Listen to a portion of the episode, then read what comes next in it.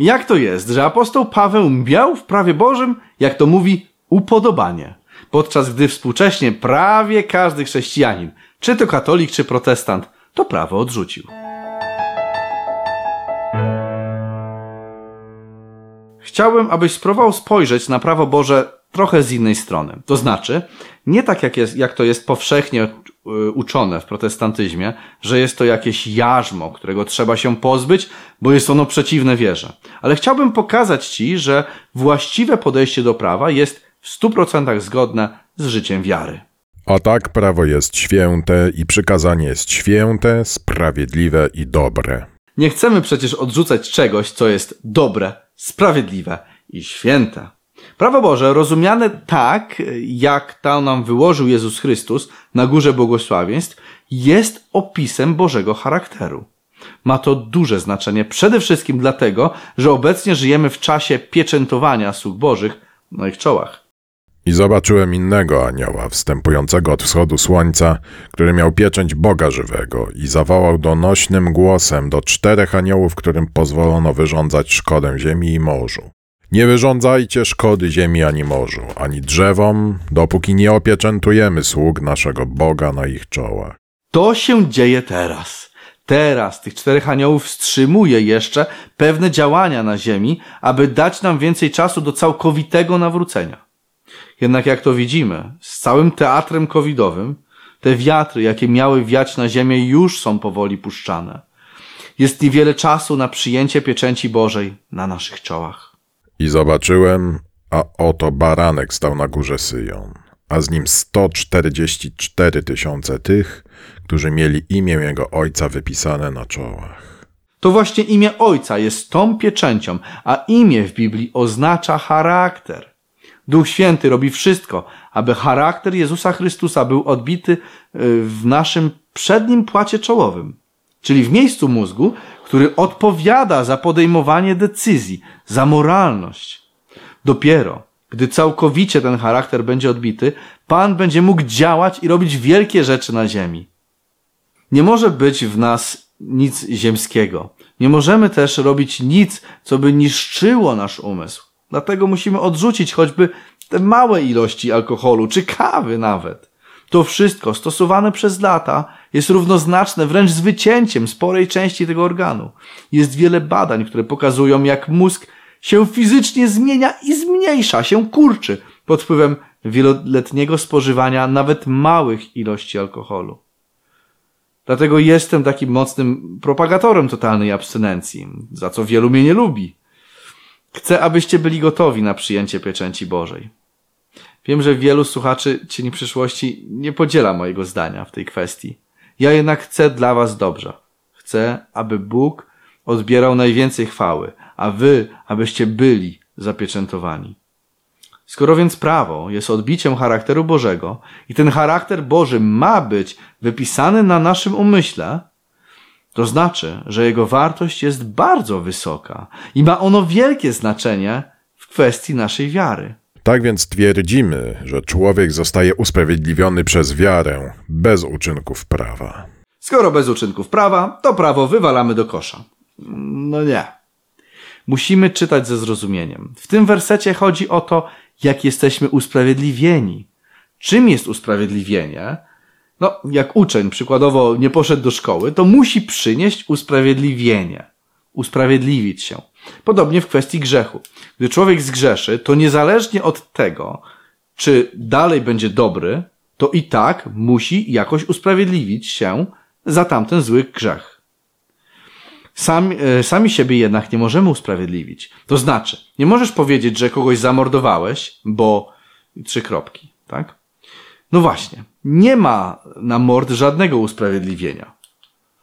Nie możesz powiedzieć, że kłam, y, kłaniałeś się innemu Bogu, bo no i znowu nie ma żadnego sensownego usprawiedliwienia dla, te, dla tego grzechu. Żadnego przykazania dekalogu nie usprawiedliwisz. Dlatego jedyną możliwością jest to, aby być usprawiedliwionym z zewnątrz. To jest przez krew Chrystusa. Przyznajemy się do złamania prawa, ale jako usprawiedliwienie pokazujemy krew Chrystusa. Czyli niejako mówimy, że kara za ten grzech już spadła na naszego zastępcę.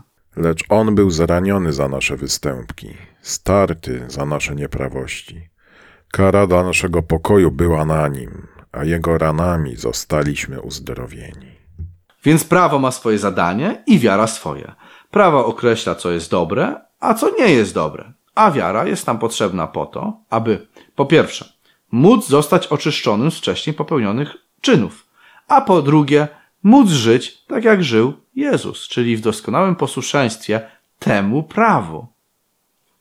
Niektórzy mówią, że teraz w czasach nowotestamentowych prawo w ogóle już nie obowiązuje, że było ono dane tylko dla Żydów i tylko na krótki czas. Mówią, że przecież w Edenie tylko jedno było przykazanie i tylko jedno przykazanie obowiązywało, więc dekalog nie jest czymś wiecznym. Tym radzę się zastanowić, czy złamanie jakiegokolwiek przykazania w Edenie, w Edenie było wyrazem miłości? Czy gdyby Adam z Ewą zaczęli oddawać pokłony drewnu, to byłoby to ok? Lub czy jakby Ewa zabiła Adama, to czy to byłoby wyrazem miłości? Lub gdyby Adam z Ewą, gdy Bóg odpoczywał dnia siódmego, a oni by pracowali, to byłby to wyraz miłości do Stworzyciela? To, że dekalog został w formie spisanej dany ludzkości dopiero na górze Synaj, nie oznacza, że nie było go wcześniej. On zawsze był podstawą tronu Bożego. Więc dekalog zawsze obowiązywał i nie jest on jedynie dla Żydów. Zresztą, nawet o dniu siódmym sam Zbawiciel powiedział. Powiedział im także: Szabat został ustanowiony dla człowieka, a nie człowiek dla szabatu. Skoro sam Zbawiciel uznał, że szabat nie jest jedynie dla Żyda, a po prostu dla człowieka, to przestańmy już się o to kłócić, bo po prostu z ufnością poświęćmy mu ten jeden dzień w tygodniu w całości. Inni mówią, że jak ktoś jest nowym stworzeniem, jak ktoś jest nawrócony, to nie potrzebuje już prawa, bo jego serce będzie mu samo dyktować, co jest dobre, a co złe. Pycha, jaka jest tutaj mówiona, to się w głowie nie mieści. Dokładnie w ten sam sposób zjódł szatan aniołów w niebie, wmawiając im, że oni są zbyt, zbyt y, fantastycznie uczynieni, aby, aby ich prawo miało obowiązywać. Zobacz jednak, co mówi apostoł Paweł w tej kwestii. Cóż więc powiemy? Że prawo jest grzechem? Nie daj Boże. Przeciwnie, nie poznałem grzechu jak tylko przez prawo, bo i o porządliwości nie wiedziałbym, gdyby prawo nie mówiło, nie będziesz pożądał. Więc prawo, gdy spełnia swoją rolę informacyjną, a nie zbawczą, bo do tego ono nie jest powołane, ale informacyjną, to jest, jest to bardzo, jest bardzo przydatne dla chrześcijanina. Skoro było one przydatne dla Pawła, a nawet dla samego Jezusa, który ciągle, ciągle się na to prawo powoływał, to tym bardziej jest ono przydatne dla nas. Niezależnie od tego, czy jesteśmy nawróceni, czy nie. Serce człowieka jest bardzo zwodnicze. Nie możesz mu ufać w żaden sposób. Nawet po nawróceniu, po nawróceniu w kwestii rozpoznania tego, co jest dobre, a co złe, nie możesz zaufać swojemu sercu, bo jako osoba nawrócona powinieneś wiedzieć już, jakie jest twoje serce. To jest diabelskie zwiedzenie, w którym to człowiek, a nie Bóg decyduje na temat moralności. Już w Edenie szatan obiecywał, że jak zjedzą zakazany owoc, to będą znali dobro i zło. To jak oni będą decydować. Nie, My jako ludzie, jeszcze z zepsutym sercem, które może nas oszukiwać, nie jesteśmy w stanie określić na 100%, co jest dobre, a co złe. I o tym mówi Paweł. Mówi, że on by nie wiedział o porządliwości. Czyli sumienie jego by mu o tym nie przypomniało, mimo że sumienie było nawrócone. Dlatego Bóg w swojej łaskawości dał nam prawo, aby ten nasz wewnętrzny kompas był dobrze skalibrowany. Dlatego razem z Pawłem powinniśmy powiedzieć. Czy więc obalamy prawo przez wiarę? Nie daj Boże. Przeciwnie, utwierdzamy prawo. Gdyby można było zmienić prawo moralne, to przecież ofiara Jezusa za grzech nie byłaby potrzebna. Bóg zmieniłby prawo i sprawa załatwiona. Wszyscy byliby już sprawiedliwi. Wszyscy byliby zbawieni. Prawo właśnie z uwagi na ofiarę Jezusa jeszcze bardziej utwierdzamy. Ponieważ widzimy, że nie mogło ono być zmienione, i nawet Pan Bóg nie chciał go zmienić i wolał, żeby jego syn cierpiał iż prawo miało być zmienione. Tylko niech będzie to prawo, ono zawsze w odpowiednim miejscu. Nie jako środek zbawczy, bo prawo nie jest w stanie ciebie zbawić, ale jako opis charakteru Bożego, jako opis tego, co się Bogu podoba, a co nie. Mam bowiem upodobanie w prawie Bożym według wewnętrznego człowieka. Zbawieni, na których sercu jest przecież wypisane prawo, też mają upodobanie w prawie według człowieka wewnętrznego. Rozumieją swoją grzecz- grzeszność i przebiegłość grzechu, dlatego nie odrzucają prawa wolności. Choć więc wykonania tego, co dobre, brak, to upodobanie w sercu ciągle jest. Bóg przez Jezusa w nas sprawia w końcu, sprawi w końcu też tę doskonałą zgodność z prawem. I w to wierzmy.